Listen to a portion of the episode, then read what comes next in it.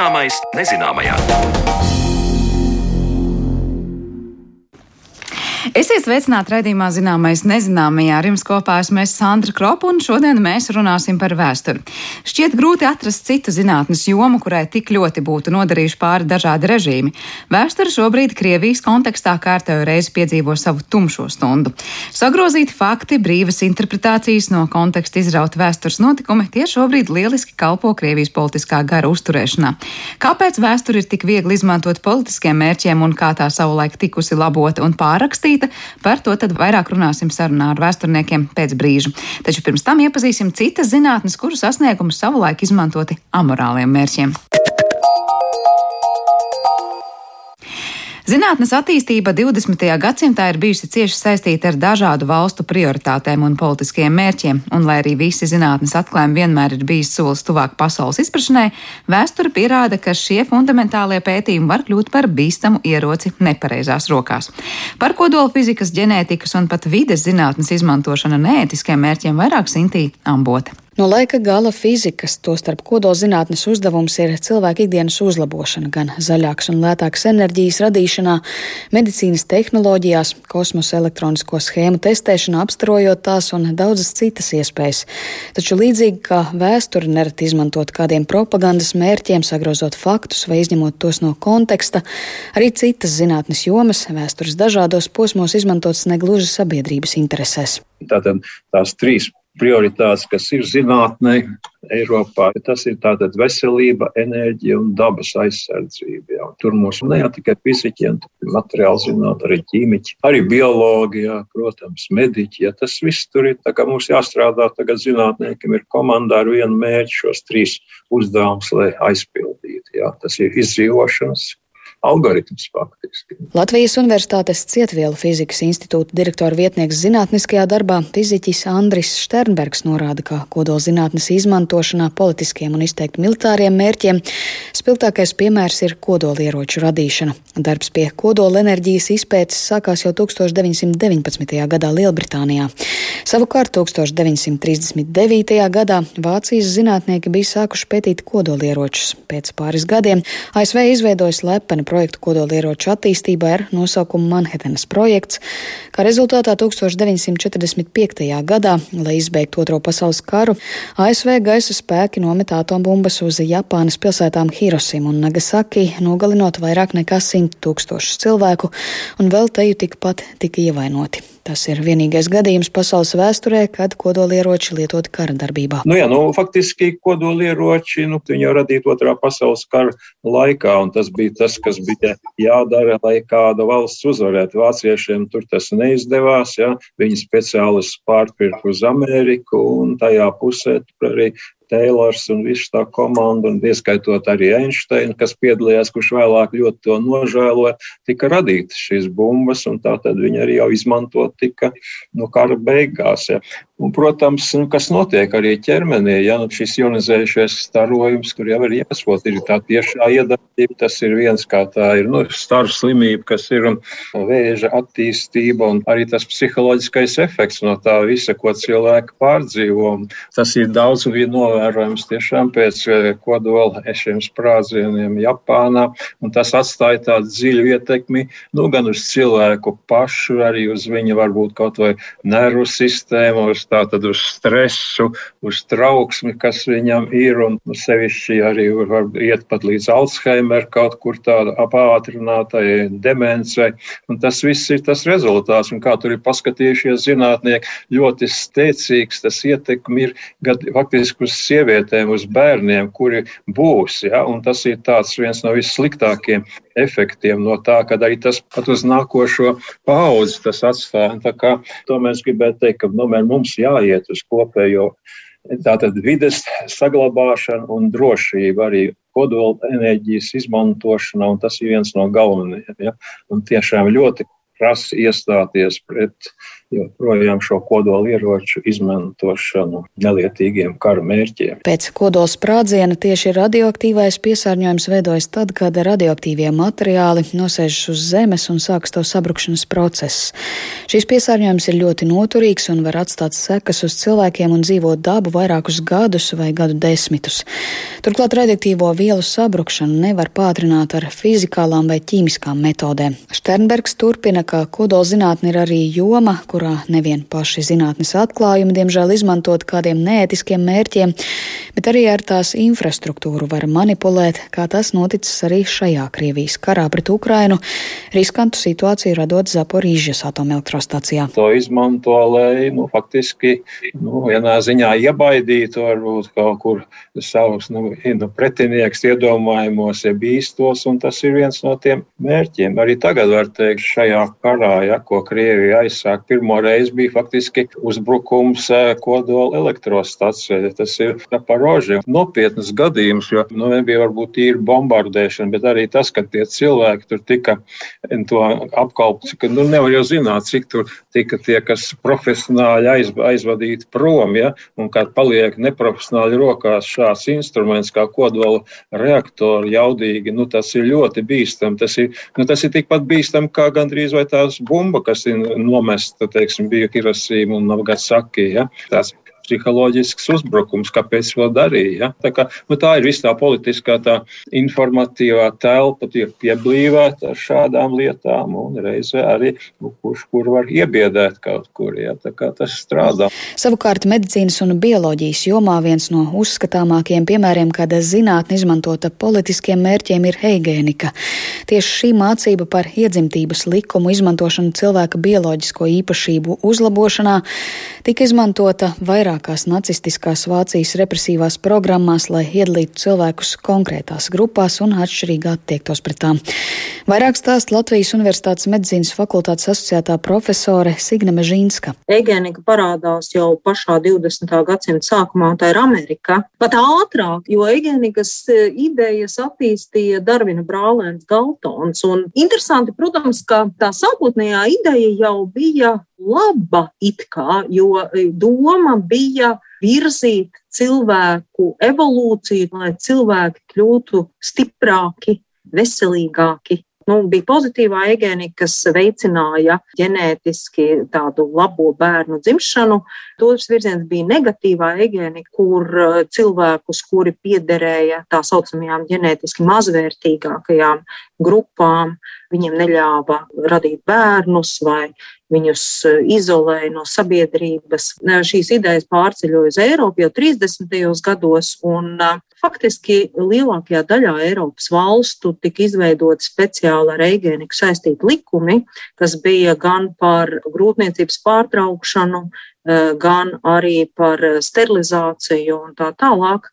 Un tas um, sāpīgākais jautājums ir, kā pamanīt, ka sākotnēji labas vai neitrālas idejas eh, kļūst par instrumentu kaut kādu politiķu vai kaut kādu noteiktu sabiedrības grupu rokās. Un eh, Eigenikas gadījumā, man liekas, tas, nu, tas netika uzreiz pamanīts. Un, nu, tas, diemžēl, attīstījās, kā mēs zinām, līdz eh, tiem šausmu darbiem, kas notika nacistiskajā Vācijā tiešām. Un uh, Eigēnikas tādas pēdas jau uh, bija vēl ļoti ilgi pēc tam. Piespiedu sterilizācija jau pastāvēja daudzās valstīs līdz 20. gadsimta 60. un 70. gadiem, ja mēs runājam, nu, piemēram, par garīgi slimiem cilvēkiem vai, vai vēl kaut kādām noteiktām sabiedrības grupām. Profesora gan secina, ka zinātnes ētika nekad nav bijusi tik spēcīga kā mūsdienu pētnieku sabiedrībā, īpaši Eiropā, lai nepieļautu to starp arī zinātnes politizāciju. Taču vēl kādu piemēru, kur arī mūsdienās zinātnes dati izmantoti Ķīnas etniskās minoritātes uiguru vajāšanā, iezīmē Mežīnska. Turpretī, protams, ir citas pasaules daļas, kur šī sistēma nestrādā tik labi. Tādi nesenāki piemēri ir piemēram par uh, uiguru izsekošanu Ķīnā, kur ģenētika ģenētiskie dati ir izmantoti, lai atrastu un izsekotu uigurus minoritāti, kuru Ķīnas politiskā vadība ļoti izseko un iznīdē. Tas izpaužas, piemēram, tā, ka ir kaut kādi it kā zinātniski projekti, kur šie cilvēki tiek uzaicināti, no viņiem paņem asins paraugus, bet, nu, ja, piemēram, Eiropā vai kā Rietumu valstīs, pilnīgi noteikti cilvēkam eh, prasīt informēt to piekrišanu un eh, drīkstētu izmantot šos asins paraugus un ģenētisko informāciju tikai ļoti strikti ierobežotiem mērķiem, tad eh, Ķīnā viņi paņem šos asins paraugus, neinformē cilvēkus par to, ko viņi ar viņiem darīs, Un, ja viņi, piemēram, var identificēt, ka cilvēks pieder pie šīs uiguru grupas, tad var sekot kādas politiskas vajāšanas. Bet skaidrs, ka cilvēks tam nav piekritis un, un zinātnē tā nebūtu jāfunkcionē. Tā kā zinātnieka uzdevums ir domāt par to, kā viņš var mazināt šīs ļaunprātīgās izmantošanas riskus, bet, protams, zinātnieks nevar būt bezgalīgi atbildīgs. Un, ja, piemēram, režīms pārņem kaut kādas zinātniskās zināšanas, un izmanto tās, tad eh, zinātnieks tur neko nevar darīt visdrīzāk. Nu, vienīgais, ko viņš var darīt, viņš var apzināti nesadarboties ar režīmu. Zinātnes un dažādu pētījumu izmantošana nereti aktuāli arī kādu nozaru biznesa lobbyā. Latvijas dabas fonda vadītājs Andrejs Briedis vidas aizsardzības jomā min pesticīdu ražotāju pasūtītus pētījumus cīņā par nezāļu apkarošanas līdzekļa raundap aktīvās vielas glifosāta saglabāšanu apritē. 18. gads ASV, toreiz vēl Monsanto tika iesūdzēta tiesā par nodarījumu veselībai saistībā ar glifosātu izmantošanu. Un runa bija par vienu salīdzinoši retu vēža veidu, par Nehodžkinsa limfomu. Pirmās trīs tiesas prāvas e, vinēja cietušie, proti zaudētājos bija Monsanto, kurš jau tajā brīdī bija pārgājis Bayer īpašumā, Eh, pēc tam gan jāsaka, vismaz vienu tiesas prāvu arī, arī zaudēja cietušie, bet eh, tas, kurā brīdī šeit eh, savu lomu spēlē zinātne, ir nu, argumenti, kurus viena un otra puse izmantoja tiesā. Tur tiesa lika Monsanto Bayer publicēt viņu iekšējo sarakstu, un tur bija skaidrs, ka pats uzņēmums, Monsanto, ir slēpuši faktus, ir, ir centušies tos interpretēt sev par labu. Tie ir bijuši viņu pasūtītie pētījumi, un, ja mēs runājam par pesticīdiem, tad tur lieta ir ļoti interesanta. Jo faktiski tajā brīdī, kad nu, kāds uzņēmums grib tirgū laist kādu produktu, tad viņiem ir jāveic pētījums, un pētījums apmaksā viņi. Un, nu, diemžēl arī zinātnē bieži vien darbojās princips, eh, kurš maksā, tas pasūta mūziku, un bieži vien tā mūzika skan eh, nu, par labu pasūtītājam un skan nu, pēc iespējas ilgāk. Pat ja ir jau kaut kādi signāli, ka ir problēmas ar kādu konkrētu produktu. Briedis papildina, ka tādēļ diskusijās par kādu vielu kaitīgumu videi un cilvēku veselībai būtiska ir informācijas pieejamība gan par visu pētījumu finansēšanas avotiem, gan arī iegūtajiem datiem, lai pētījumu secinājumu objektivitāti varētu vērtēt arī citi zinātnieki.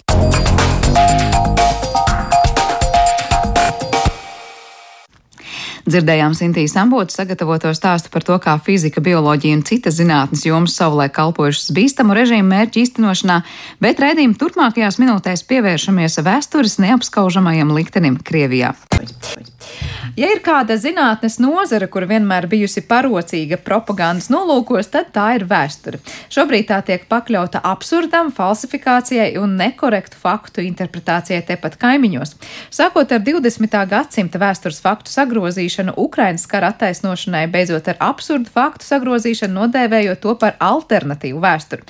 Šodien raidījumā mēs skaidrosim, kas ļauj šobrīd tik ļoti darīt pāri vēsturē, un par to sarunu esam aicinājuši divus vēsturniekus, arī Vidzemes augstskolas vadošo bijušo pētnieku Gati Krūmiņu. Sveiks, Gati!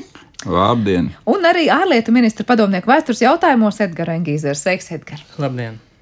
Sākšu uzreiz par to, ko redzot šī brīža situāciju Krievijā, jūs reaģējat kā vēsturnieki, kā jūs redzat tur notiekošo, un vai jūs teikt, jā, šobrīd vēsture tiek parakstīta vai falsificēta un varbūt interpretēta no jauna? Gati, sākšu ar tevi.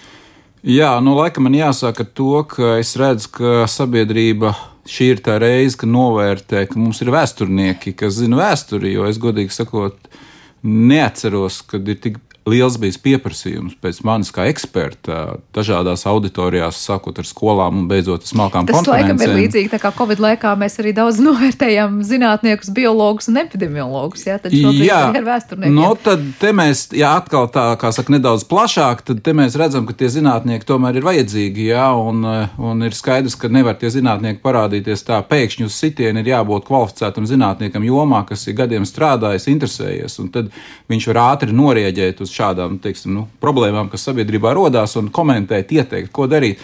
Tā kā nu, jā, nu, mums tiešām tas. Nu, teiksim, tā nav nekāds pārsteigums kā vēsturniekiem, jo mēs jau skatāmies simtus un vairāk gadus atpakaļ, un tādi gadījumi pasaules vēsturē ir bijuši, ka mēģina šo, šīs interpretācijas, teiksim, pa vēsturi, un tas ir viens no pamatiem, jo, ja mēs tā paskatāmies, tad, nu, ja mēs ir, ir tiek izmantots tāda nu, melīga informācija. Mēs skatāmies, mēs varam paskatīties, ir tādas, nu, teiksim, ko mēs runājam par viltu ziņas. Nu, tas var, mēs varētu teikt, tas ir tāds taktisks ierocis, tāds operacionālā daļa, kur tā ātri kaut ko saka. Nu, piemēram, par to pašu buču, ja tur nē, tur jau atbrauc kaut kādi briti, tur safilmēja, ja to visu, piemēram, inspirēja kaut kādā veidā, ja, vai arī, nu, teiksim, ka vācieši nogalināja poļu virsnieks, jā, teiksim, nu, teiksim, tādi, tādi, tas ir tas ātrais, jā, kas tiek izdarīts, jā, vai kaut vai tepat intervēju vienu kundzi 91 gads no Baltiņavas, un viņa stāstīja, ka viņiem bija iestāstīts, ka ebreji ir devušies uz Palestīnu un reko atstājuši mantas, un pērciet tās viņiem nebija vajadzīgas. Nu, teiksim, vēsture var ļoti, ļoti dažādi, dažādā veidā to darīt, bet mēs drīzāk šeit redzam to plašo ainu, kas ir tie sauktie vēstures narratīvi, un tas ir tas lielais pamatojums, ja, ko šīs valsts, nu, teiksim, ko Krievija šobrīd dara, kas ir lielais pamatojums, kāpēc tas notiek. Un tur šī vēsture tiek izmantota. Un tādēļ mēs, protams, redzam to vēstures sagrozīšanu, ja mēs paskatāmies, ja mēs viņu varam saukt arī par pārrakstīšanu. Bet nu, tas, ir, tas, tas ir tas lielais līmenis, jā, kad mēģina sabiedrībai iedvest, jā, ka tas, kas šobrīd tiek darīts, ir pareizi. Jā, un tur atkal ir daudz dažādu līmeņu. Jā, teiksim, ja no Krievijas perspektīvas, tad nu, tas varbūt galvenais, manuprāt, tas pilārs ir, ka viņi mēģina sevi pozicionēt kā tādu vienīgo šajā reģionā tādu politisku nāciju, kura ir tiesības lielākas nekā pārējiem, kas riņķi apkārt ir etniskas nācijas, nu, kuras var padziedāt, tā kā mēs, nu, tā kā mēs bijām PSRS okupācijas periodā. Un tas pats Tāpat viņi visu laiku arī skatījās uz šo PSRS sabrukušo, sabrukušo PSRS arī visus šos gadus, visus 30 gadus. Un skatāmies, kamēr Baltkrievi un Ukrāņi dziedāja vienā dziesmā un bija gatavi tikai dziedāt, redzam, ka Lukašenko nav problēmas. Ja? Bet kā Ukraina sāka pieņemt kaut kādus lēmumus, kas ir atbilstoši politiskai nācijai, nu, tad viņi uzreiz, nu, Krievija satraucās. Kā tā var būt? Jo mēs esam vienīgi, mēs esam labāki, un tas ir iedvests sabiedrībā, ja? ka tā ir tāda titulnācija. Un tas ir tāds 20. gadsimta sākuma, nu, vairāk nekā 100 gadu vecs koncepts, kur ir lielās impērijas, un tas arī Eiropā bija toreiz dienas kārtībā, ja tur Francija, Lielbritānija, Vācija, pat Beļģija mazā, ja ir kolonijas, ja, un ir titulnācijas, un tās pārējās etniskās, mēs viņus pārvaldām, palīdzam, to visu darām. Ja. Nu, nu, tas ir tas, ja, tā kā, un šādā gadījumā arī nu, tā vēsture, un šis lielais stāsts tiek pamatots ar tādiem vēstures krikumiņiem, nu, dažādiem laikiem, sākot nu, no dzelzs laikmeta, ja, no, no Kīivas, Krievzemes, nu, beidzot līdz, nu, tepat faktiski līdz vakardienai. Tad es saprotu, simtsgades koncepts ir jau tas, ka interpretē pēc režīma vajadzībām to vēsturi. Nu, tā, ne, nu, tas ir jau tūkstošiem gadu, ja, ka politiskie režīmi ar vēsturi strādā. Jo tā ir vēl viena lieta, kas savu attaisnošanu, nu, mēs sakām, ir tie narratīvi, saucamie vēstures narratīvi, nu, kas izskaidro, kāpēc tu esi. Ja. Nu, to dara visas valsts. Mēs arī darām. Mēs skaidrojam, kas mēs esam. Mēs arī pirms gadiem ielikām pat satversmē. Jautājums, vai jā. mēs mainām to, kā mēs to skaidrojam pirms desmit gadiem, pirms 50 gadiem, pirms 100 gadiem. Jautājums, vai Krievija šobrīd izmaina to, kā varbūt kaut ko skaidroja vēl pirms varbūt dažiem gadiem.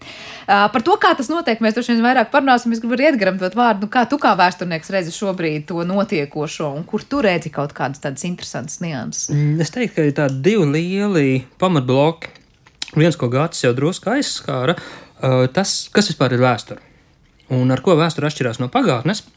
Tādā ziņā, ka mēs visi pētām pagātni un mēs visi rakstam vēsturi. Un uh, skaidrs, ka vēsture tiek pārrakstīta gan objektīvu, gan subjektīvu faktoru dēļ, gan mēs uzzinām kaut ko vairāk, gan mēs nointerpretējam kaut ko savādāk, balsoties uz jaunām zināšanām, jaunām pieejām un tā tālāk un tā joprojām. Uh, tas ir viens. Uh, un priekš kam šī vēsture ir bijusi vajadzīga? Kopš pašiem pirmsākumiem sākot jau no antīkās Grieķijas, kad mēs runājam par tādu eiropeisko vēstures rakstīšanas praksi. tie, tie paši Peloponēs skāri un, un daudz kas tam līdzīgs.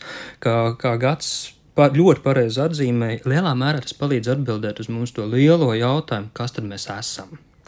Un skaidrs, ka caur šo jautājumu katra paudze, katra sabiedrība, katra nācija, runājot par 19, 20, 21 gadsimtu, cenšas paskatīties kaut kādā veidā savādāk caur sava laika un savas ģeopolitiskās, intelektuālās, mentālās telpas prizmu. Līdz ar to nevajadzētu varbūt tās tik ļoti uztraukties par to, ka vēsture tiek pārrakstīta. Tas vienmēr ir noticis un tas vienmēr notiks. Jautājums drīzāk ir par to, kādām metodēm tas tiek darīts un kā labāk tas tiek darīts. Tāpat mēs varam runāt arī par šo vēsturi caur šo lielo jautājumu, kas mēs esam, kā mēģinājumu strukturēt sabiedrību, kodēt sabiedrībā vērtības, noteikt nevis pagātni, bet nākotni drīzāk. Tāpat mēs varam redzēt visas lielās reliģijas. Vai tie būtu evaņģēlīji, kristietībā vai hadijas islāmā, viņi, viņi ne tikai runā par tādām globālām lietām kā pasaules izcelšanās un, un cilvēku izcelšanās, bet arī runā par tādām ļoti vēsturiskām. Jēzus Kristus dzīve, kā evaņģēlijas stāsts, Arī tas ir tapis vairāk kā 400 gadu laikā. Kaut kādi stāsti ir iekļauti kanonā, kaut kādi stāsti nav iekļauti kanonā. Un līdz ar to tas, tas ir tāds ļoti plašs uh, sarunas temats, ka vēsture tiek pārrakstīta. Protams, un, protams, ka viņu arī izmanto ļoti politiskiem mērķiem, veidot sabiedrību. Otrs, ja mēs runājam par šo falsifikāciju, par šiem viltojumiem, tur arī ir divi veidi, kā to dara. Viens ir viltojot dokumentus, un te gads aizskāra ļoti būtisko jautājumu, kur sākās tagad un kur beidzās pagātne, vai šī gada februārs, mārts, vai tā ir vēsture, vai tā ir tagadne, un kurā brīdī um, paziņojumi par notikumiem, vai tā būtu Buča, vai tā būtu Marijampole, viņi, viņi no šodienas eh, ziņu viltojumiem kļūst par vēstures viltojumiem. Tieši tāpatās mēs varam redzēt arī tas pats slavenais Katiņas piemērs, ka arī pagātne tiek viltota šādā ziņā caur melīgiem, aplamiem, nepatiesiem dokumentiem, un vēstures avotiem. Tas nav tikai 20. gadsimta stāsts, tas arī ļoti sen, sen, sena praksa. Uh, un otrs ir um, it kā pareizu, patiesībai atbilstošu faktu, patiesu īstu dokumentu atlase ar mērķi radīt greizu priekšstatu.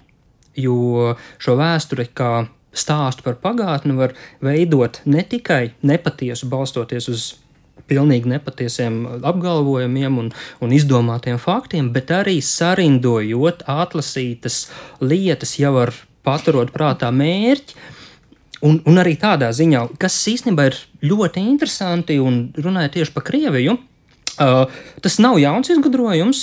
Uh, Tas, kas man ie, parādījās atmiņā, kas man iekrita atmiņā, bija 48. gadā, bija iznākusi grāmata Vēstures falsifikātori, ar mē, kā reakciju uz Amerikā izdot dokumentu krājumu par Padomju Savienības un Nacistiskās Vācijas sadarbību.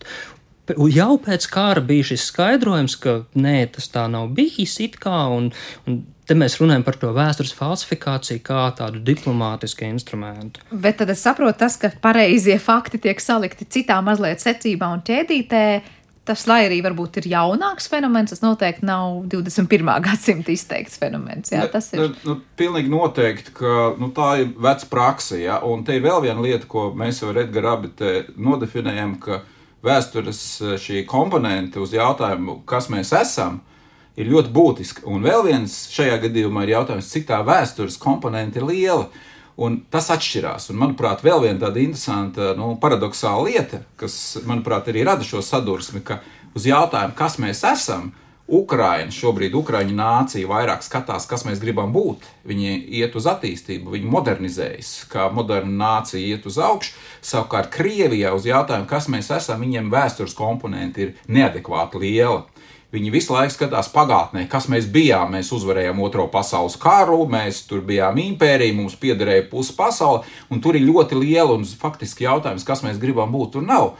Un, un es domāju, ka tāda reāla lieta ir, ka tās abas puses ir tādā līdzsvarā, ja, un Ukraina, protams, modernizējas, un tas ir labi. Jo, nu, tagad, domājot par Latviju, kad mums bija eksistenciālais jautājums, kad atjaunojām neatkarību, tad mums bija abas komponentes. Mums bija, kas mēs bijām, tad neatkarīga valsts, mēs atjaunojām, bet tā pašā laikā atmodas procesā, un jā, uzreiz pēc neatkarības atjaunošanas tika pieteikts, kas mēs gribam būt. Tātad moderna Eiropeiska valsts, ja, un ļoti lā, drīz nāca klāt arī NATO komponenti. Tātad, gan kas mēs bijām, bet kas mēs gribam būt. Līdz ar to tad, tad tas arī nodefinē, kas mēs šobrīd esam. Un vēl viena lieta, kas noteikti, ko es gribu pieminēt, ir tas, ka ļoti svarīgas ir šīs vēstures asociācijas. Nu, piemēram, šī pati buča vai kaut kāda šie skaidrojumi uzreiz salikt kopā. Un kāpēc izmantot tos pašus nacistus? Ja? Nu, būtībā abas puses - nacisti, fašisti, jo tā ir negatīva asociācija, kas nāk no vēstures. Nu, tev pasaka, nacists vai fašists, par to ir e, vienošanās, ka tas ir slikti. Tagad ja? runā par rašistiem. Jā, jā, jā, jā, jā un, un tas ir slikti un ir skaidrs. Un es, teiksim, no, zinātnisku iemeslu dēļ regulāri skatos, ko izplatīja Krievijas mēdīja. Ja, un, nu, teiksim, kā viņi veido šos narratīvus. Un viņi jau šobrīd, piemēram, to, kas Mariupolē, nu, tātad tie nacisti, teroristi, kāda bija Sīrijā, kāda bija nacistiskajā Vācijā, viņi uzreiz saliek vēsturiskas asociācijas ar negatīvajiem tēliem, ja kādā veidā, un kas viņi ir. Tā, kā, nu, tur tā vēsture bez tās vēstures nevar izdarīt. Bet cik ir interesanti tas, ka viņi saliek varbūt to, kas bija nacistiskajā Vācijā, un tajā pašā laikā paši nepamanā, cik ļoti nu, klāji līdzīgi šobrīd uzvedās nacistiskajai Vācijai pat nu, Krievijai. Nu, nē, nu, tas pats galvenais uzstādījums, ka mēs esam labāk par citiem. Nu, tā ir tas, tas ir tas, ko Vācija mēģināja nacisti pārdot sabiedrībai, ko liela daļa sabiedrības klusējot pieņēma, jo tas ir nu, cilvēciskai būtnei tāds nu, diezgan patīkams uzstādījums, ka es esmu labāks par citu vienkārši tāpēc, ka es esmu labāks. Nevis tāpēc, ka es esmu gudrāks, skrienu ātrāk vai kas. Ja? Nu, kā Hitlers tik ļoti pārdzīvoja tajā olimpiādē, ja tas melnādainais skrējējs apskrēja tos viņa īstenos āriešus, ja? Berlīnas olimpiādē, kas bija paredzēts kā nacistu trijums. Ja? Un, un tā kā, tā kā tas ir ļoti cilvēkam tāds, nu, kas, kas ir pieņemams. Un, un tiešām, ja man jāsaka, kas ir galvenā līdzība ar šo nacismu ideoloģiju un tādiem ekstrēmiem nacionālismiem un Krieviju šobrīd, ka viņi uzskata, mums pienākās vairāk. Vienkārši tāpēc mēs esam labāki, mēs esam vēsturiskāka nācija, tāpēc, ka mēs esam Krievija. Un tas iet kopā, ka viņi bija liela Krievija, Ukraiņi bija maz Krievija, tur, teiksim, kas bija pirms vairāk kā simts gadiem. Ja? Un, un tas turpinās, ja? un, un, un tur ir pilnīgs paralēls. Ja mēs Eiropā pēc otrā pasaules kara sapratām, ka mums šis nestrādā un ka mums ir jāvienojas, ja? un mēs savā starpā sadarbojamies, tad Krievija faktiski spējas reiz gāja tādā otrā virzienā, un te mēs redzam to rezultātu. Ir viena lieta, ko es noteikti gribētu akcentēt, un jums pavaicāt par to mērogu, kādā par to vēsturi var melot. Nu, tas, ko arī Edgars teica pirms brīža, protams, tas ir bijis vienmēr kaut ko noklusē, kaut ko nenoklusē, kaut kādā citā virknējumā savieto reālos faktus un rada to sajūtu.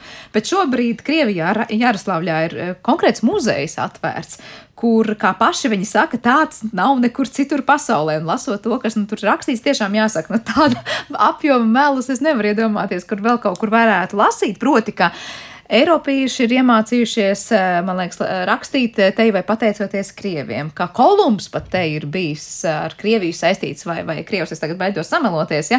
Nu, katrā ziņā tās ziņas tur ir līdz absurdam nepatiesas, un tas ir muzejs, kas sev sauc par to, ka, nu, viņi tagad parunās par alternatīvu chronoloģiju, balstītu uz zinātni vai kā citādi kur ir robeža, kur mēs varam teikt, nu, kā var melot par to, ka Kolumbs te vai bijis ar Krieviju saistīts?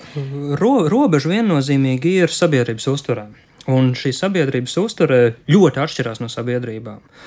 Gatis aizskāra vienu ļoti būtisku lietu, neminot to vārdu, es mēģināšu noformulēt, ka mēs nerunājam tik daudz par vēsturi kā zinātni un par vēstures rakstīšanu kā zinātnisku nodarbi un, un tekstiem, bet eh, ļoti bieži mēs runājam par vēstures komunikāciju. Un līdz ar to ši, šīs metodes vairāk ir no komunikācijas jomas nekā no pašas vēstures nākušas. Līdz ar to arī šī patiesība nevienmēr kļūst uh, izšķirošais nu, tāds, tāds atslēgas moments. Proti, cilvēkiem ir pilnīgi vienalga, kādas muļķības viņiem tiek komunicēts. Galvenais, ka to pārliecinoši dara. Var pārdot muļķības, ja sabiedrība ir gatava to darīt, uh, pieņemt, uh, ja viņi ir sagatavoti tam, un ja pieprasījums pēc patiesības vai pēc uh, ticamības nav tik liels. Un, un ir skaidrs, ka mēs runājam par ļoti dažādām vidēm, eh, nošķirot demokrātisko sabiedrību un autoritāro sabiedrību. Uh, var redzēt, ka autoritārās sabiedrībās uh, cenzūra, propaganda absolūti prevalē pār kaut kādām zinātniskās metodēs balstītām atziņām. Uh, Demokrātiskā vidē arī ir mēģinājumi, protams, manipulēt ar sabiedrību caur vēsturi. Tas notiek neizbēgami. Gan tā pati noklusēšana, ko tu minēji. Mums, godīgi sakot, arī pašiem Latvijā ir tēmas, par kurām mēs ļoti nelabprāt runājam, vai, vai kuras tiek uzskatītas, ai, tur tie konservatīvie tā domā, vai tur ai, tie liberāļi tā domā. Nu, mēs katrs veidojam savu informatīvo telpu. Un, un arī sabiedrība viņu veido. Līdz ar to uh, tās manipulācijas nu, parādās arī ikdienas līmenī. Jautājums, vai tā ir valsts politika, uh, vai valsts politika ir um, apzināti nepatiesos uh, pamatos balstīta, kā tas acīm redzami daudzās vietās, tā nav tikai Krievija. Mēs, mēs varam runāt par, par daudziem lielākoties autoritāriem režīmiem, kur, kur tas tā notiek. Tā, kaut jau tāpat Franko Spānija un, un jau, jau pēc Franko periods, kur mēs varam redzēt, ka uh, politiskās represijas par viņām nerunā, par viņām nemelo, bet par viņām vienkārši nerunā daudz desmit gadus, jo tas ir pārāk sāpīgs temats.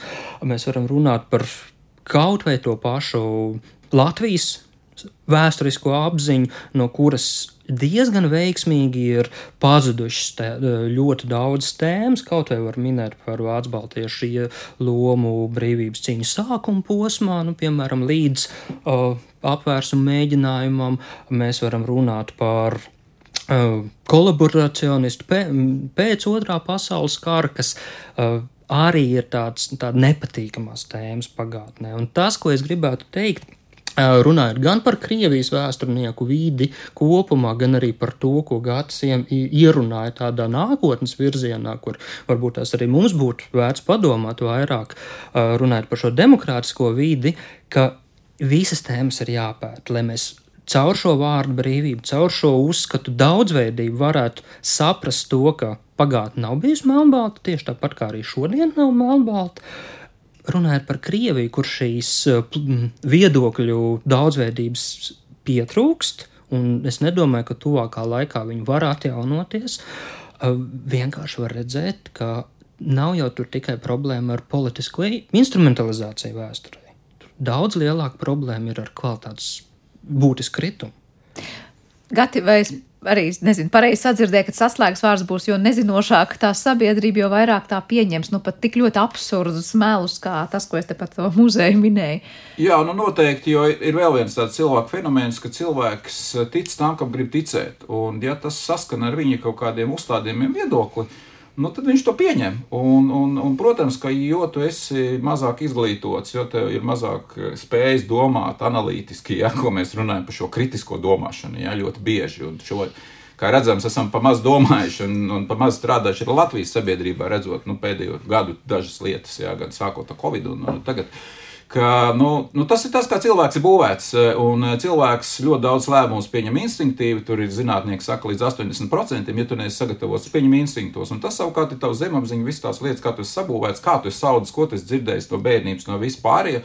Un, piemēram, lielais koncepts, ka mēs te varam būt kristīti vai nevaram, bet nu, mēs visi esam no šīs daļas, un kā mēs pasauli vērtējam, teiksim, mūsu platumgrādos, nu, pēc uh, kristīgās paradigmas, kas ir labs vai slikts, jā, vai te nebūs zakt, nebūs nokaut, vispārējais, kas ir labi, slikti, neraugoties uz to, ka, piemēram, es arī neesmu kristīts, bet mana vērtību skala ir ielikta tajā, jo tur, tur ir iekšā gadu simtiem caur ģimenēm, caur, caur dažādām paudzēm būvēta sistēma. Nu, un, teiksim, mēs redzam, ka Krievijā nu, ļoti ilgstoši šī sistēma ir bijusi veidota nu, ar citiem uzstādījumiem. Un tad skaidrs, ka šie cilvēki ir vieglāk iegriežami tādā leņķī. Un visi, kas domāja savādāk, jā, pēdējos simts gados eh, tika represēti, iznīcināti. Jā, jo nu, Krievija arī bija tāda eh, nu, es teikšu, ala Eiropeiska valsts vismaz 200 gadus tuvojās tam virzienam, vismaz elite. Ja? Tas ir viss 18. un 19. gadsimts jau gāja tajā virzienā. Un, Un tagad, ja mēs paskatāmies, tad nu, jā, pēdējie simts gadi ir galīgi pretējā. Tā kā, jā, nu, kam tu gribi ticēt? Jā? Un, un, protams, un jo, jo tas cilvēks mazāk zina, jā, nu, jo, jo vieglāk ir viņu ietekmēt. Jā. Es teiktu, ka te vēl jāņem vērā jautājums par to, cik lielā mērā cilvēks jūtas iederīgs sabiedrībā un cik lielā mērā cilvēki jūtas piederīgi valstiskajai struktūrai. Jo uh, faktiski pēdējos 200 gadus Eiropā valsts politika pamatā ir zinātniski balstīta. vairāk vai mazāk zinātniskums ir izvirzījies sabiedrībā. Iepratim reliģiski balstītiem valstiskumam un sabiedrībai, kas, kas pastāvēja pirms tam un kas šur tur pasaulē pastāv vēl aizvien, iespējams, to pašu Krieviju ieskaitot.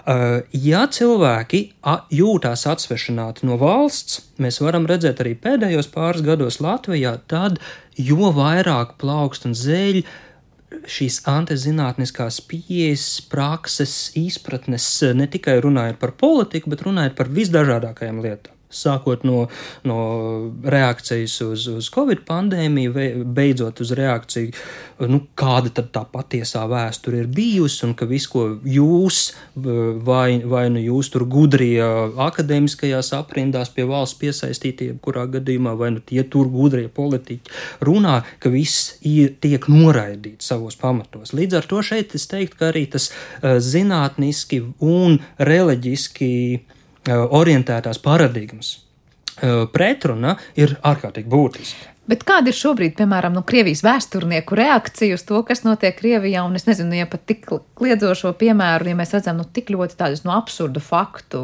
nezinu, komunicēšanu. Vai, nezinu, kā uz to var noskatīties vēsturnieks, piemēram, kaut vai ja viņš ir šobrīd tajā režīmā, kurā viņš ir? Nu, es domāju, ka tur ir ļoti dažādi. Nu, ir jau daļa no tiem kā teiksim, Eiropiešu domājušiem, ja, kas domā līdzīgās kategorijās. Ja, tā ir vēl viena uh, problēma, kur mēs kādreiz pieļaujam kļūdu, ka mēs mēģinām ar Krieviju sarunāties pēc tā, mūsu uzstādījumiem, ka mēs domājam, ka viņi viņiem ir tādas pašas vērtības sistēma. Ja, tā ir, es domāju, lielai daļai politiķi, tur Makrons un, un vispārējie, ja, ka viņi domāja, aizbrauks un sarunās. Nu, Putins taču, nu, es viņam izstāstīšu, viņš sapratīs, ja, un neko viņš nesapratīs, viņš vienkārši domā savādāk, un viņam ir cits uzskats, kam ir jābūt pareizi. Makrons domā, ka tā ir pareizi, Putins domā, ka tā. Un es domāju, jā, bet par vēsturniekiem es domāju, ka ļoti dažādi, bet nu, tā ir arī tāda konjunktūra. Nu, tas ir tas pats, kas bija šis PSRS okupācijas periods, un nu, arī Latvijas PSR vēsturnieki rakstīja to, kas bija bija jāraksta. Un tas, ko viņi varbūt runāja, varbūt mēģināja šo tur ierakstīt starp rindām, bet nu, būtībā politisks režīms piespiež arī akadēmiskos cilvēkus jā, uz tādām darbībām, nu, tāpat kā pārējos sabiedrības locekļus. Vēsturnieki nav nekas atsevišķs, un es arī esmu redz, redzu, kā mainās teiksim, arī, nu, cilvēku konkrēti vēsturnieki, kuru daļradē, ja tā varētu teikt, es sekoju līdzi, kuri ar mani radniecīgās tēmās, piemēram, Jēna Zubkova, ja, kas pirms gadiem 20 lietoja okupāciju un visu šo pārējo, ja faktiski bija uz mums ar vienu vilni, uz vienu viļņu, tad jau kādus nu, gadus desmit atpakaļ jau, jau apmēram publikācijās parādās, ka nē, nē, ka bija šīs PSRS investīcijas un PSRS tā kā palīdzēja vairāk, un mēs taču bijām PSRS rietumi. Nu, mainās, ja mēs redz, var redzēt, ka cilvēks maina, ja viņš ir Krievijā, nu viņam tur jādzīvo, jēd. Un viņš maina šo savu uzskatu. Tā, vai, vai es nezinu, vai uzskats, bet katrā ziņā nu, to, ko viņš raksta, tas, tas ir pavisam jau kaut kas cits. Jā. Es teiktu īstenībā, ka ir daudz vienkāršāk, jo ir liela būtiska atšķirība starp Krieviju un Padomu Savienību. Jo Krievijā pastāv opozīcija. Uh, gan politiski, gan arī pilsoniski, un tieši tas attiecas arī uz vēsturniekiem. Uh, attiecīgi, mēs Krievijas vēsturniekus varam redzēt tos, kas raksta politiskus narratīvus, pēc kuriem pēc tam vadās Kremļa politiķi, un otrādi šos politiskos narratīvus e, ievieš vēstures tekstos, un mēs redzam, ka ir vēsturnieki, kas uh, aiziet projām vai nu tematiski, vai nu uh, savas izpausmes veidās no, no politiskām ak aktivitātēm, kas arī ir bijuši piesaistīti pie politikas vai pie citiem politiskiem strāvojumiem, jo nevajag aizmirst arī vienu lietu, ka vēsturnieks jau nav tikai kāds marsietis, kurš pēta vēsturi. Viņš ir arī tās sabiedrības sastāvdaļa, kurā viņš dzīvo. Uh, līdz ar to, runājot par vēsturniekiem, tas ir ļoti izteikts sabiedrības spogulis, un arī mūsu šīs dienas saruna, viņa kā virzās eiro orientēti. Mēs, mēs visu pasauli skatāmies eirocentriski. Un Krievija, protams, ir tas, tas tuvējais spogulis, ar ko mēs salīdzinām un ko mēs kritizējam, ko mēs saprotam. Bet, ja mēs paskatāmies uz to, kā vēsturnieki eh, darbojās autoritāros režīmos citur vai, vai citās sabiedrībās, nu, kaut vai tāpat Ķīna, kā tāds ļoti spilgts piemērs varētu būt, tur jau arī vēstures zinātne pastāv, tur pastāv cenzūra, politika un vispārējais. Līdz ar to skaidrs, ka mums nevajag atraut ne vēstures rakstītājus, pētniekus, ne arī lasītājus, auditorijas no vispār sabiedriskiem procesiem. Bet te atkal mēs nonākam pie tā, kā sarunas sākumā Gatis teica, nu šie notikumi parāda, ka mums vajag vēsturnieks, mums vajag šos zinātnieks. Kā sabiedrība var nezaudēt ticību vēsturniekam, nu, piemēram, pēc tiem piemēriem, ko Gatis minēja par šo konkrēto Krievijas zinātnieci, ka vienu brīdi liekas, atkal fakti, pamatojumi, arhīvi atkal tiek izmantoti, lai runātu pilnīgi pretējo. Vai nu, nav tā sajūta, ka tās tādas nu, politiskās marionetes vai kaut kādas, nu, nezinu, tiešām daļradas rakstītāji cilvēki? Nu, nu, tu jau atbildēji savā ziņā uz šo jautājumu arī pati, ka nu, tas ir cik arī vēsturniekiem šo uzspiež, un vai vēsturnieks tiek pie vārda, viņš domā savādāk, un mums nevajag baidīties, ka vēsturnieki kritizē, nu arī Latvijas gadījumā. Nu, protams, šobrīd mēs esam ļoti jūtīgi uz jebkuru veidu kritiku. Ja? Bet nu, vēstures zinātnē arī no Latvijas valsts perspektīvas ir bijuši lieli izaicinājumi. Ja? Nu, mēs nerunājam par Ulmaņa autoritāro režīmu, kad tika ierakstīts, kāda ka bija Latvijas karaļvalstis. Ja? Tika pieņemts lēmums par vēstures institūtu, faktiski likumā bija uzrakstīts, kāda vēsture viņiem ir jāizpēta. Ja? Un, e, jā, nu labi, autoritārs un cits laikmets, jā, bet, bet nu, tas arī tomēr atstāja iespaidu uz to, ja cilvēkiem tiek pateikts, nu, kas tad ir tas, jā, tēmu definēšana, pētniecības tēma, jā, skaidrs, maza valsts, maza resursi, skaidrs, mums vajag pētīt tās tēmas, kas ir aktuālas, jā, bet arī Nu, šajā gadījumā ir tas, ka nu, skaidrs, ja tu padziļināti izpēti kādu tēmu, tu esi nu, labāks eksperts. Jā, kā, nu, es domāju, ka šajos, īpaši šajos laikos, mēs saprotam, cik svarīgi ir tas nu, koncepts par to zināšanu sabiedrību, ka cilvēks, arī vidējais cilvēks, ir gudrāks.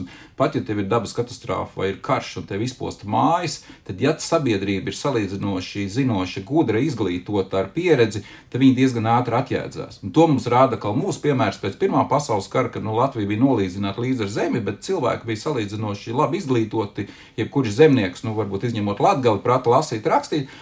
Un elitei bija pietiekuši liela starptautiska pieredze, un mēs ļoti ātri, neraugoties uz starptautisko e, skepsi, izdarījām to, kas bija jādara.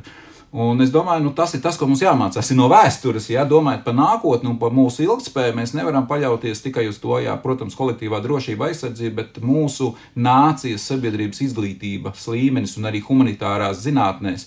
Es tikko ar vienu britu profesoru pārunāju, viņš teica, cik tas ir Labi, protams, ka to stemu māca, ja, bet tas, ka ir arī Lielbritānijā šur tur ignorētas tās humanitārās, un šobrīd arī Lielbritānijas sabiedrība skatoties uz šo visu, ja, viņi, protams, atbalsta valdību, ja, un ka Krievija ir slikta, bet iedziļināties, saprast, nu, šo izcelsmi, šī konflikta, kāpēc Krievija tā rīkojās. Ja? Nu, viņiem pasaka, ka Krievija ir slikta. Ja? Nu, labi, sabiedrība to pieņem, bet tomēr izprast tās nianses. Es domāju, ka nu, tas ir svarīgi. Ja? Nu, sabiedrību vienkārši nu, nevis kaut kur pastumt, ja? bet ka viņi patiet. Es domāju, tas ir tas galvenais, ja? nu, kā mēs sasniedzam rezultātus rietumu civilizācijā, ka sabiedrība iesaistās un nu, tā, izprotot, ko viņi dara. Nu, Protams, lai nav tā, ka vienā brīdī stāsta slikti, un mēs mājam ar galvu, gluži kā Orvela darbos, jā, un tajā pašā laikā kāds stāstīs, nē, tomēr pretēji ir labi. Un, un galvenais, ja tu ne, māji nepareizi, tev jau ķer uzreiz pie rokas, jā. Nu, jā. Uh, jā, Edgars, mums jau no, jānoslēdz pavisam drīz šīs sarunas, sāks tas noslēdzošais jautājums, ko vēstures zinātnē nozīmē. Nu, tas, kas šobrīd notiek, un vai jūs saredzat, ka kaut kāds, es nezinu, jauns pakāpiens vai jauns klupšanas sākums, vai patiesībā nekas, nekas traks un nekas jauns, tas ir sen pieredzēts par šīs vēstures nu, izmantošanu savam režīmu vajadzībām, nu, tik lejiem mērķiem, kā jau mēs redzējām šobrīd arī Krievijas gadījumā? Um, nekā jauna, protams, tur nav. Uh, tas, par ko es domāju tagad, uh, kā uh, Pirmkārt, jau tas pamats, ko Gācis iezīmē, uz ko mēs sākam iet daudz aktīvāk nekā iepriekšējā laikā, ir, un es gribētu teikt, nevis uz zināšanu palielināšanu sabiedrībā. Nav tik svarīgi zināt, daudz svarīgāk domāt. Un ir tā, tā viena ļoti populāra anekdote par to, ka jebkurš uh, fiziķis, ja viņš ir labi zinošs un, un izglītots, uh, mācīs gan pats, gan, gan arī citiem iemācīt, kā virtuvē uztaisīt kodolbumbu. Nu, tā anekdotas līmenī runājot, bet uh, humanitārās zinātnes filozofija ir tie, kas ļauj cilvēkiem saprast, kāpēc tā nav laba ideja. Un, un, un te ir tas, tas jautājums par to, ka zināšanas ir labi, Bet uh, caur šo, ko mūsdienās sauc par kritisko domāšanu, bet tas varbūt tas arī ir tāds jauns apzīmējums ļoti vecam procesam, ka cilvēkiem vajadzētu iemācīties vairāk arī domāt. Un līdz ar to šis jautājums, kuri vēsturnieki vai kuri stāsti par pagātni ir ticami, kuri ir neticami, kuriem ir kādi mērķi apakšā, uh, viņi atkritīs paši no sevis. Tās, kas noteikti šobrīd mainās, uh, manuprāt, ir, pašu vēsturnieku aprindās arī. Un pēdējā laikā mēs redzam, ka politiski vēstures zinātnē ir pievērsta uzmanība caur to jautājumu, nu, kā tad vēsture tiek izmantota. Socioloģiski, politoloģiski, drošības jautājums, starptautisko attiecību prizmā un tā. Bet šobrīd, manuprāt, ir arī tas posms, kad paši vēsturnieki sāk uz to reflektēt, un man šķiet, ka tuvākajā laikā mēs redzēsim zināmas izmaiņas arī uh, avotu kritikas metodēs, un nu, kaut vai tas pats jautājums, mēs esam pieraduši runāt par, par latviešu historiografiju vai krievu historiografiju, tādā nacionālu stāstu kon, koncepcijas ietvaros. Bet, manuprāt, daudz svarīgāk ir sadalīt šo smalkāk, paskatīties, kādas vēstures skolas, tas, kas Amerikā, Francijā jau gadsimtiem atpakaļ ir noticis. Bet paskatīties uz to, ka nav šīs nacionālo stāstu un mītu universalitātes, ka ka, katrs filozofiskais, idejiskais virziens iedod kaut ko citu, un nu, kur tad ir tie pamati, ko mēs varam pieņemt, un tās manipulācijas ar stāstiem, mītu radīšanu, mītu apgāšanu. Uh, un kurā brīdī ir tā sarkanā līnija, kur ir skaidri mēli falsifikācija, nekas, kas saistīts ar to, kas reāli ir noticis, tīri tādā melīgas, reliģiskas. Ideoloģijas koncepta ietvaros. Un tas, manuprāt, ir tas, tas svarīgākais, ka uh, mainīsies veids, kā mēs uztveram vēsturi. Jā, šī sarkanā līnija, ko nosauc, tiešām laikam atslēgas vārds tam visam ir arī tā sabiedrības zināšanu, es nezinu, bāze, kas uztver šos vēstījumus. Nu, jā, nu zināšanas un darīšanas, nu, kā saka, gudra un uzņēmīga sabiedrība, kas ir gatava kaut ko darīt un, un tiešām tās lietas, bet es domāju, ka te ir vēl viena ļoti svarīga lieta, ko mums, es domāju, kur arī vēstures zinātnē, kur šī diskusija atkal nu, pacelsies, tas ir, ir divas lietas. Nu, kas tad ir vēsture? Vai mēs esam tikai tādi faktu konstatētāji, ja, ka tad bija tas, tad bija tas, vai arī mēs dodam savu interpretāciju, izvērtējumu un kaut kādu kritiku un pasakām, vai tas bija labi vai tas bija slikti. Un es domāju, no šāda skata, es domāju, ka ļoti daudz lietas tiks pārskatītas nesenajā vēsturē. Tas, kas tika darīts attiecības ar Krieviju, ja teiksim, Jeļcina laikā, arī Putina laikā, nu, vadoties no tā iznākuma. Jo tas ļoti bieži, ka tajā brīdī, ja kaut kas notiek, mēs domājam, ka tas varbūt ir labi, bet beigās iznāk slikti, tad mēs, nu, tad mēs pārrakstām faktiski to, mēs sakām, nē, tas nebija pareizi, un beigās tas noved pie slikta rezultāta. Tā kā es domāju, tā ir lieta. Un vēl viena lieta, kas noteikti būs, ka nu, mēs, nu, teiksim tā, viens notikums dažādas sabiedrības grupas ietekmēt var ļoti dažādi. Un kas vienam labi, otram slikti, nu, pilnīgi normāli. Nu, tas ir kaut vai nu, es nezinu, sausa vasara, tam, kam zeme ir augstākā vietā, ja, tad tam ir slikti, tam, kam zemākā ir ļoti labi. Ja. Un, un tas pats ir arī ar nācijām, ar, ja, ar, ar cilvēku dažādām sociālām grupām. Ja, un, un es domāju, ka tā ir vēl viena lieta, kas eh, šobrīd, nu, ko, kur noteikti mēs skatīsimies savādāk. Ukraiņi jau šobrīd, kā viņu savu vēsturi skatāmies, kā mēs uz to visu skatāmies. Ja. Un, protams, pēc 50 gadiem, kā uz to visu skatīsies. Jā, interesanti, kā būs pēc 50 gadiem es, paskatīties. Es, es ļoti ceru, ka šis izvērtējums, labs, slikts, mūs tomēr arī novedīs pie izpratnes, ka tas ir bijis daudz, daudz krāsaināk nekā tikai melnbaltais redzējums, kad viens režīms Parasti jau pēc tam, kad uh, mēs paskatāmies no distances, mēs varam ieraudzīt vai ne to toņu gāmu, un, kā saku, jo augstāk skatāmies, jo vairāk kopaini redzēsim. Nu, būs interesanti vērot, bet paldies jums šodien par šo sarunu un to, ka likāt akcents tam, kas notiek šobrīd un kā mēs varam skatīties uz šobrīd notiekošo. Vēsturnieki Edgars Engīzers un Gats Krūmiņš bija ar mums šodien kopā šajā raidījuma pusstundā. Paldies par šo raidījumu producēšanu, teikšu arī Paulai Gulbinskai par mūziku šajā šajā stundā gādāja ģirs bišs, bet es Sandra Kropa jums būšu kopā jau pavisam drīz, lai mums visiem veiksmīga diena. Uz tikšanos!